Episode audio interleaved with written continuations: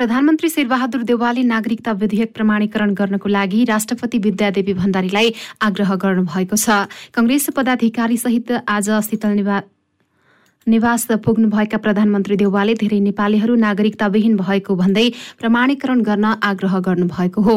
संसदको दुवै सदनबाट पास भएर प्रमाणीकरणको लागि शीतल निवास पुगेको नागरिकता विधेयकलाई राष्ट्रपति भण्डारीले पन्ध्र बुधि सह देशसहित फिर्ता गर्नुभएको थियो। सुरक्षाको दृष्टिकोणलाई समेत मध्यनजर गर्दै उक्त विधेयकमा पुनः छलफल आवश्यक रहेको उहाँले सन्देशमा भन्नुभएको थियो। तर प्रतिनिधि सभाले उक्त विधेयकलाई पुनः जस्ताको त्यस्तै पारित गरेको थियो। प्रमुख प्रतिपक्षी दल नेकपा एमालेको मागपछि मतविभाजन गरिएको उक्त विधेयक पुनः बहुमतका साथ पारित भएको थियो। नागरिकता विधेयक यति बेला राष्ट्रिय सभा अन्तर्गतको विधान समितिमा छलफलको लागि पठाइएको छ। राष्ट्रिय सभाले छलफल आवश्यक रहेको भन्दै उक्त विधेयक विधान समितिमा पठाएको हो। गृहमन्त्री बालकृष्ण खाँडले सबैको सहमतिमा नै नागरिकता सम्बन्धी विधेयक ल्याइएको दावी गर्नुभएको छ। आज बसेको विधायन व्यवस्थापन समितिमा नेपाल नागरिकता पहिलो संशोधन विधेयक दुई हजार उनासी माथिको छलफलका क्रममा गृहमन्त्री खाँडले सरकारले सहमतिमै र प्रक्रिया पूरा गरेर राज्य व्यवस्था समितिको फरक मतसहितको विधेयक फिर्ता गरेको र नयाँ विधेयक पनि सहमतिमा नै ल्याएको दावी गर्नुभएको हो। अहिले पनि लाखौँ नागरिकहरू नागरिकता विहीन भएर बस्नु परेको भन्दै उहाँले जन्मसिद्धका सन्तानलाई नागरिकता दिने उद्देश्यले सरकारले विधेयक ल्याएको धारणा राख्नुभयो। उहाँले नयाँ कानुन अनुसार नागरिकता पाउनेहरू मतदाता सूचीमा नरहेका कारण नागरिकता विधेयक निर्वाचन प्रेरित नरहेको स्पष्ट पार्नुभयो। गृहमन्त्री खाँडले विधेयकका विषयमा राष्ट्रपतिले उठाएका सवाल महत्त्वपूर्ण रहेकाले कतिपय विषय सम्बोधन गरेर नै अघि बढ्नुपर्ने धारणा राख्नुभयो। लाखौँ सङ्ख्यामा नेपाली जन्मसिद्ध नागरिकहरू जो आमा हुनुहुन्छ जो बुवा हुनुहुन्छ उनको सन्ततिले पाएन कि? उनले नागरिकता नपाउँदाखेरि के हो भने उनीहरूका धेरै ठुलो चाहिँ फ्रस्ट्रेसन धेरै ठुलो चाहिँ तपाईँलाई असन्तुष्टि राज्यका प्रति हाम्रा प्रति रहेको छ। जसले गर्दा लाखौँको सङ्ख्याका चाहिँ युवा पुस्ता जो ऊर्जाशील छन् युवा युवतीहरू होला। उनीहरूले नागरिकता नपाउँदाखेरि उनमा जुन खालको चाहिँ एउटा पीडा चाहिँ भोग्नु छ त्यसले पो त मुलुकको शान्ति सुव्यवस्था खलबल पुऱ्याउँछ। बैठकमा केही सांसदहरूले केही सांसदहरूले संशोधनको विषयमा पनि छलफल हुनुपर्ने धारणा राखेका थिए भने केही सांसदहरूले संसदबाट नै अस्वीकृत भएका संशोधनका विषयमा छलफल गर्न उपयुक्त नहुने धारणा राखेका थिए। समितिको अर्को बैठक बुधबार बोलाइएको छ। नेकपा माओवादी केन्द्रका अध्यक्ष पुष्पकमल दाहाल प्रचण्डले शान्ति प्रक्रिया टुङ्गो लगाउन एमाले बाधक बन्न खोजेको आरोप लगाउनु भएको छ। आज काठमाडौँमा आयोजित माओवादी पार्टी प्रवेश कार्यक्रममा प्रचण्डले शान्ति प्रक्रिया टुङ्गिन नदिन भाँजो हाल्ने काम गर्न खोजिएको आरोप लगाउनु भएको हो। उहाँले संक्रमणकालीन न्यायका सन्दर्भमा माओवादीलाई अपराधी देखाउन खोज्ने काम भएको र माओवादीलाई ठेगाना लगाउन विधेयक ल्याउनु पर्ने तर्क गर्न खोजिएको जिकिर गर्नु भएको छ। प्रचण्डले वैवाहिक अङ्कृत नागरिकताका लागि सात वर्ष समय सीमा राख्ने प्रस्ताव आफैले गरेको तर एमाले अध्यक्ष केपी शर्मा ओलीले नमान्दा त्यो प्रावधान सहितको विधेयक पेश हुन नसकेको बताउनु भएको छ। उहाँले बुधबारसम्म गठबन्धनबीच सिट बाँडफाँडमा सहमति हुने बीस गतेसम्म क्षेत्र र प्रदेशको टुङ्गो लाग्ने र पच्चिस गतेसम्म पार्टीका तर्फबाट उम्मेद्वार टुङ्गो लाग्ने दावी गर्नु भएको छ। उम्मेद्वार टुङ्गो लगाउने विषयमा स्थानीय तहको जस्तो नहुने भन्दै प्रचण्डले प्रदेश र संघमा व्यवस्थित रूपमा उम्मेद्वार टुङ्गो लगाउने धारणा राख्नुभयो।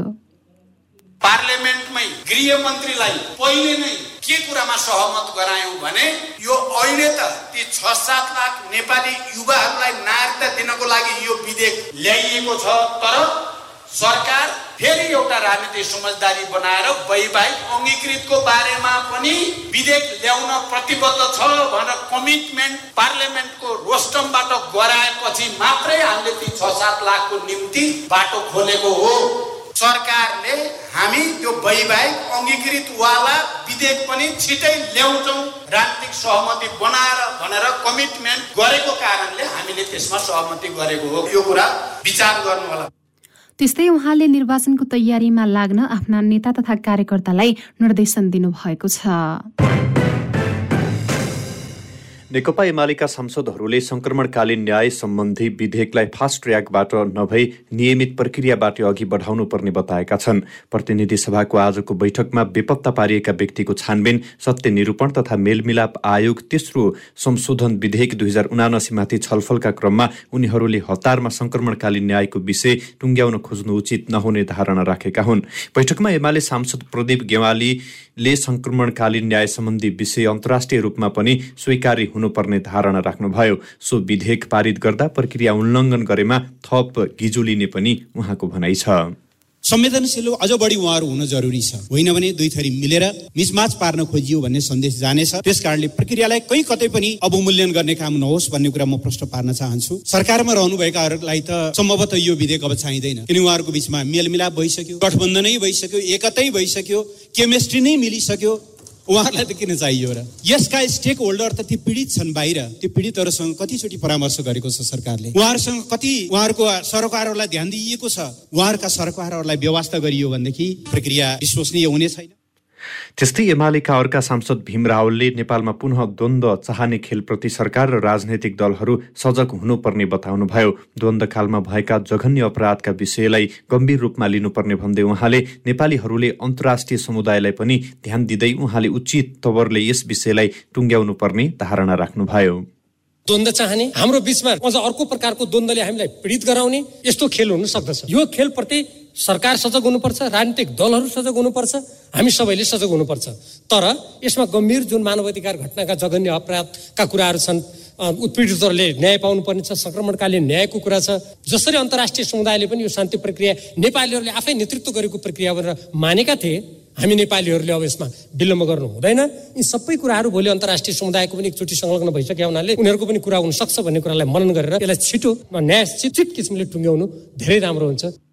एमालेका अर्का सांसद खगराज अधिकारीले निर्वाचनको मिति तोकिसकेपछि विधेयक ल्याएर सरकारले छारो टार्ने काम गर्न खोजेको तर्क गर्नुभयो। संक्रमणकालीन न्याय सम्बन्धी व्यवस्थालाई निष्कर्षमा पुर्याउन वर्तमान गठबन्धन सरकारले नै ढिलाइ गरेको उहाँले बताउनुभयो। अधिकारीले हतारमा विधेयकलाई अघि बढाउन नहुने जिकिर गर्नुभयो।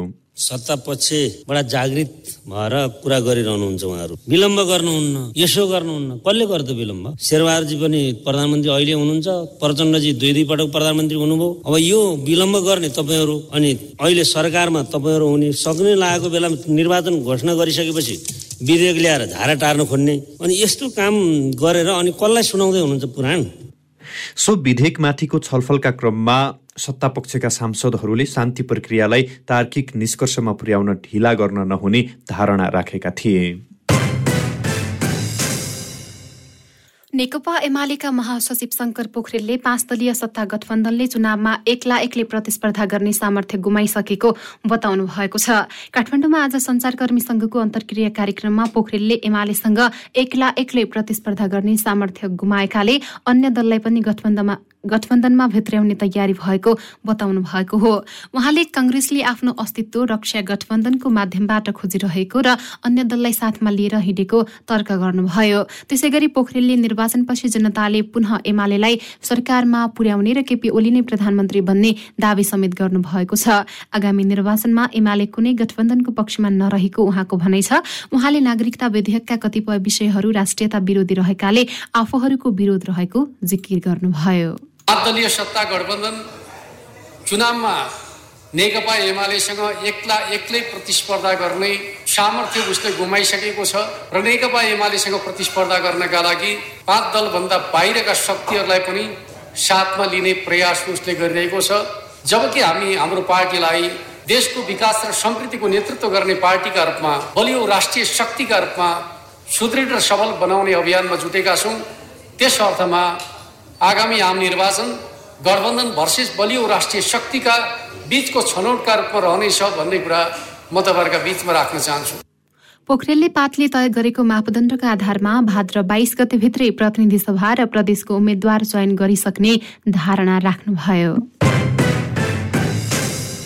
सर्वोच्च अदालतले अदालतको अवहेलना मुद्दामा सात दिनभित्र लिखित जवाफ दिन काठमाडौँ महानगरपालिकाका मेयर बालेन्द्र शाहलाई आदेश दिएको छ। सर्वोच्च अदालतमा विचाराधीन अवस्थामा रहेका मुद्दामाथि टिप्पणी गरेको भन्दै अधिवक्ता दीपक राज जोशीले शाह विरुद्ध मानहानीको मुद्दा दायर गर्नुभएको थियो। सर्वोच्चका अदालत का न्यायाधीश हरिकृष्ण कार्कीको एकल इजालसले निवेदकले माग गरे अनुसार अवहेलनामा सजाय किन नहुनुपर्ने हो?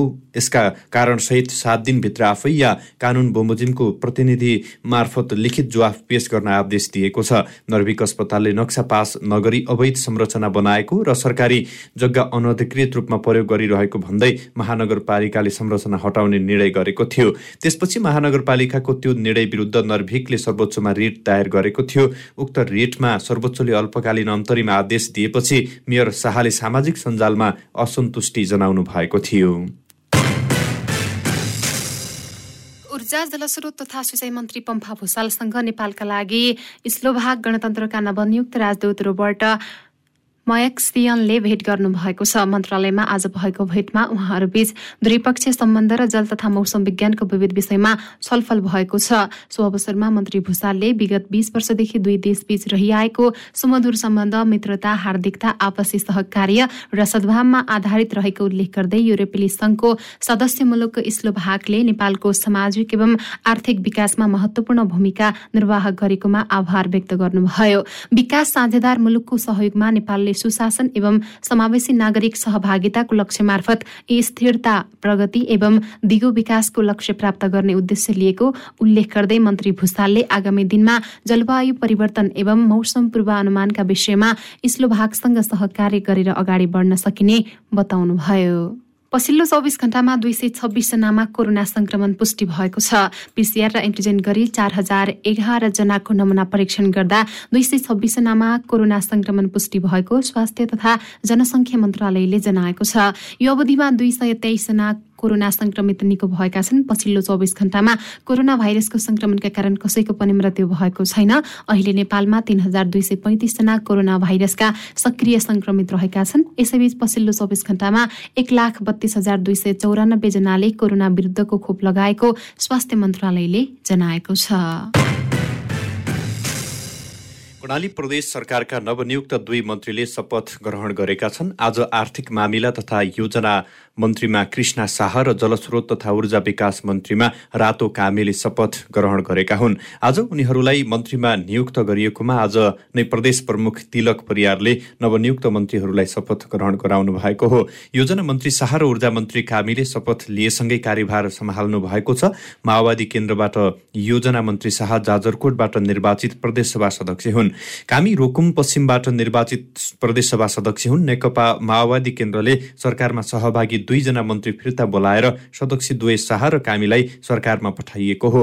यसअघि माओवादी केन्द्रबाट योजना मन्त्रीमा बिन्दमान विष्ट र ऊर्जा मन्त्रीमा गणेश प्रसाद सिंह रहेका थिए। रूपन्देही प्रहरीले स्रोत नखुलेको साढे चौबिस लाख रकम सहित एक युवकलाई पक्राउ गरेको छ। रूपन्देही सिद्धार्थनगर नगरपालिका वडा नम्बर एक बाइपास स्थित स्रोत नखुलेको अवैध रकम ओसार पसार भएको भन्ने सूचनाको आधारमा प्रहरीले बोटबल उपमहानगरपालिका वडा नम्बर आठ सुक्खा नगर बस्ने अठाइस वर्षका सन्दीप साक्यलाई पक्राउ गरेको हो। साक्यले बोकीको कालो रङको झोलाबाट हिजो बेलुका स्रोत नखुलेको नेपालले चौबिस लाख पचास हजार रकम फेला पारेर पक्राउ गरेको प्रहरीले जनाएको छ पक्राउ परेका साक्यलाई आवश्यक कार्यवाहीको लागि आज भैरहवा भन्सार कार्यालय बेलहिया रूपन्देहीमा पठाएको जिल्ला प्रहरी कार्यालय रूपन्देहीका प्रवक्ता डिएसपी श्याम अर्यालले बताएका छन्। सिन्धुली र काभ्री प्लान्चोक जिल्लाको सीमा क्षेत्रमा निर्माणका लागि प्रस्ताव गरिएको छ सय तिरासी मेगावटको सुनकोशी तेस्रो जलाशययुक्त विद्युत आयोजनाबाट चार जिल्लाका छ सय सोह्र परिवार विस्थापित हुने भएका छन्। सिन्धुलीको सुनकोशी गाउँपालिका तथा काभ्री प्लान्चोक सिन्धुपाल्चोक र रामेछापका करिब छ सय सोह्र घर परिवार विस्थापित हुने भएका हुन्। आयोजनाको अध्ययन प्रतिवेदनमा निर्माण स्थल क्षेत्र काभ्री प्लान्चोकको तेमाल गाउँपालिकाका आठ वडाहरूमा बाँध विद्युत गृह र डुबान क्षेत्र पर्ने भएको छ। छ। साथै रामेछापको खाँडादेवी गाउँपालिकामा बाँध र डुबान क्षेत्र डुबान क्षेत्रमा पर्ने उल्लेख गरिएको छ। विद्युत उत्पादन भएपछि सोही पानीलाई टनेल्सद्वारा पुनः सुनकोशी नदीमा खसाल्ने योजना रहेको छ। बाँकीको कोहलपुर नगर विकास समितिको जग्गा अतिक्रमण गरी बनाइएका संरचना हटाउन थालिएको छ। कोहलपुर नगर विकास समितिका अध्यक्ष समेत रहनुभएका नगरपालिकाका मेयर पूर्णप्रसाद आचार्यको नेतृत्वमा आज न्युरोड क्षेत्रबाट डोजर लगाएर अतिक्रमित संरचना हटाउन शुरू गरेको हो। न्युरोडमा सार्वजनिक जग्गा अतिक्रमण गरी बनाइएका संरचना हटाएपछि कोहलपुर बस पार्क पुग्दा भने अवरोध भएको छ। व्यवसायीहरूले डोजर चालकमाथि ढुङ्गा प्रहार गर्न थालेपछि अवरोध हटाउने काम रोकिएको छ। स्थानीय व्यवसायीले विकल्प दिएर मात्रै संरचना हटाउनु पर्ने माग गरेका छन्। काठमाडौँको बौद्धमा ग्यास पट्केर घाइते भएकाहरूलाई सिन्धुपाल्चोकको भोटेकोसी गाउँपालिकाले आर्थिक सहयोग गरेको छ। केही दिन अघि सो क्षेत्रमा ग्यास लिक भई पड्कदा सिन्धुपाल्चोक स्थायी घर भएका पाँचजना दोलखा घर भएका एकजना र भोजपुर घर भएका एकजना घाइते भएका थिए। अग्नि पीडितहरूको उपचारमा समस्या भएपछि कंग्रेस नेता मोहन बहादुर बस्नेतको पहलमा घाइतेहरूलाई गाउँपालिकाको तर्फबाट एक एक लाख रुपियाँ हस्तान्तरण गरिएको हो। त्यसै घटनामा गम्भीर घाइते दुईजनालाई भोटेकोसी गाउँपालिकाका आमा समूहले थप पच्चिस पच्चिस हजार उपलब्ध गराएका थिए। सहयोग हस्तान्तरण कार्यक्रममा कंग्रेस नेता बस्नेतले आगलागीबाट सिन्धुपाल्चोकका पाँचजना र अन्य स्थानका व्यक्ति पनि घाइते भएको र घाइतेहरूको ग्यास पड्केको कोठामा बस्ने व्यक्तिले नै बेहोरेको पाइएपछि सहयोग गरिएको जानकारी दिनुभयो। मानवीय संवेदनशीलतालाई ख्याल गरी गाउँपालिकाहरूसँग छलफल गरी तत्कालको लागि आर्थिक सहयोग गरिएको उहाँको भनाइ छ। गाउँपालिकाको तर्फबाट अहिले तत्काललाई प्रत्येक बिरामीलाई एक एक लाख रुपियाँ सहयोग गर्ने भन्ने कुरा चाहिँ हामीले सहमति गरेर अनि उहाँले अहिले उहाँ गावि गाउँपालिकाबाट चाहिँ वडाध्यक्षज्यूलाई समेत बोलाएर चेक लिएर आएर अहिले हस्तान्तरण गरिरहेछौँ र यो कुरा चाहिँ सिन्धुपाल्चोक जिल्लाकै तातापानी क्षेत्रको हाम्रो आमा समूह उहाँ आमा समूहहरूले पनि ल यस्तो दुःख परेछ हामी पनि केही सहयोग गर्छौँ भनेर चाहिँ तुरुन्तै उहाँहरू आफ आफैले चाहिँ पैसा उठाएर पचास हजार रुपियाँ लिएर आउनुभएको छ। पचास पचास हजार लिएर आउनुभएको पैसा चाहिँ दुईटा बिरामी चाहिँ बयालिस प्रतिशत भन्दा बढी डढेको र उहाँहरूको उपचार धेरै गर्नुपर्ने। त्यसैले उहाँहरूले ल्याउनु भएको पैसा पच्चिस पच्चिस हजारको दरले दुईटा बिरामीलाई थप गर्नुभयो। र दुईटा बिरामीले एक लाख पच्चिस हजार दरले पाउनुभयो। अरूहरूले चाहिँ एक लाखको दरले पाउनु भएको भएको छ? उक्त घटनामा घाइते भएका मध्ये दुईजनाको शरीर बयालिस प्रतिशत भन्दा बढी जलेको छ। सबै घाइतेहरूको काठमाडौँको सुषमा कोइराला मेमोरियल अस्पतालमा उपचार भइरहेको छ। सेयर बजार परिसूचक नेप्से आज सामान्य बढेको छ लगातार घटिरहेको सेयर बजार आज भने सामान्य सुधार भएको हो। आज नेप्से तिन दशमलव सात छ अङ्कले बढेर एक हजार नौ सय तिरानब्बे दशमलव शून्य दुई बिन्दुमा पुगेको छ। आज जीवन बिमा र उत्पादन समूहको सेयर चालिस अङ्कभन्दा धेरै बढेको छ। बैङ्क माइक्रो फाइनान्स लगानी र म्याचुअल फन्ड समूहको सेयर भने घटेको छ। आज दुई सय बाइसवटा कम्पनीको चौतिस लाख चालिस हजार किता सेयर एक अर्ब छब्बिस करोड रुपियाँमा कारोबार भएको छ। सबैभन्दा धेरै नेपाल टेलिकमको एघार करोड पच्चिस लाख रुपियाँको सेयर किनबेच भयो। नेप्से सामान्य बढेको दिन विन नेपाल लघुवित्त वित्तीय संस्थाको सेयर सात प्रतिशत भन्दा धेरैले बढेको छ। चर्को व्यापार घाटा सही रहेको देशको लागि पछिल्ला दिनमा केही सुखद संकेत देखा परेका छन्। कुनै बेला बिजुली आयात गर्ने देश अब भने बिजुली निर्यात गर्ने देशका रूपमा परिणत भएको छ।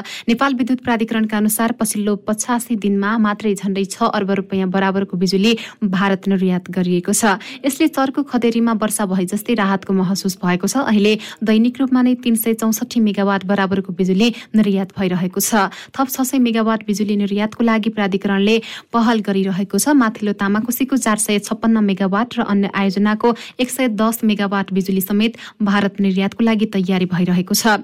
भारतीय पक्षसँग निरन्तर संवाद भइरहेको र छिट्टै निष्कर्ष निस्कने प्राधिकरणको कार्यकारी निर्देशक कुलमान घिसिङले जानकारी दिनुभएको छ। प्राधिकरणले चालु आर्थिक वर्षमा मात्रै सोह्र अर्ब रुपियाँ बराबरको बिजुली निर्यात हुने प्रक्षेपण गरेको छ। थप बिजुली निर्यात भएको अवस्थामा आमदानीमा समेत वृद्धि हुनेछ। क्यान्डिड न्युजमा अब अन्तर्राष्ट्रिय समाचार फ्रान्समा विमान कम्पनी एयर फ्रान्सका दुईजना पाइलट बीच विवाद भएपछि दुवैजनालाई निलम्बन गरिएको छ स्विजरल्यान्डको जेनेवान जेनेवाबाट फ्रान्सका लागि उडान भरेको विमान उडान भर्ने बित्तिकै दुईजना चालक बीच कुटपिटमा कुटा कक्क पीठमा कुटाकुट भएको हो। चालक दलका अन्य सदस्यहरूले सम्झाउँदा पनि उनीहरू बीच कुटाकुटको श्रृङ्खला नरोकिएपछि यात्रुहरू आत्तिएका थिए। ती दुईजना पाइलट मध्ये एकजनाले भने विमान पुनः जेनेवा विमानस्थलमा नै फर्काएर अवतरण गरेका हुन्। घटना लगत्तै विमान पाइलटहरू परिवर्तन गरी विमान गन्तव्यतिर लगेको थियो। फ्रान्सको इतिहासमा भएको यो पहिलो घटना हो। पाकिस्तानमा खैबर पख्तुनख्वा प्रान्तको मानुर उपत्यकामा आएको बाढीका कारण दसवटा पुल भत्किएका छन्। सोही पुल भत्किएसँगै सयौं मानिस नदी पारी फसेका छन्। गत शुक्रबार आएको बाढीमा परे सोही क्षेत्रमा पन्ध्रजनाको मृत्यु भएको छ। मानर उपत्यकाको नदीमा फसेका सर्वसाधारणहरूले आफूहरूको उद्धार गर्न बारम्बार अपील गरिरहेका छन्। यद्यपि पुल भत्केका कारण उद्धार कार्यमा भने कठिनाई भइरहेको पाकिस्तानी अधिकारीहरूले बताएका छन्। पर्यटकको रोजाइमा परेको पहाडी मानव उपत्यका जोड्ने पक्की पुल नै बाढीले बाढीले बगाएपछि खोला छेउका गाउँहरू निकटान हुँदै सयौं बिचल्लीमा परेका छन्। खोला किनार र नदीमा फसेकाहरूको लागि खाद्यान्नको व्यवस्था गर्न समेत अप्ठ्यारो परेको छ।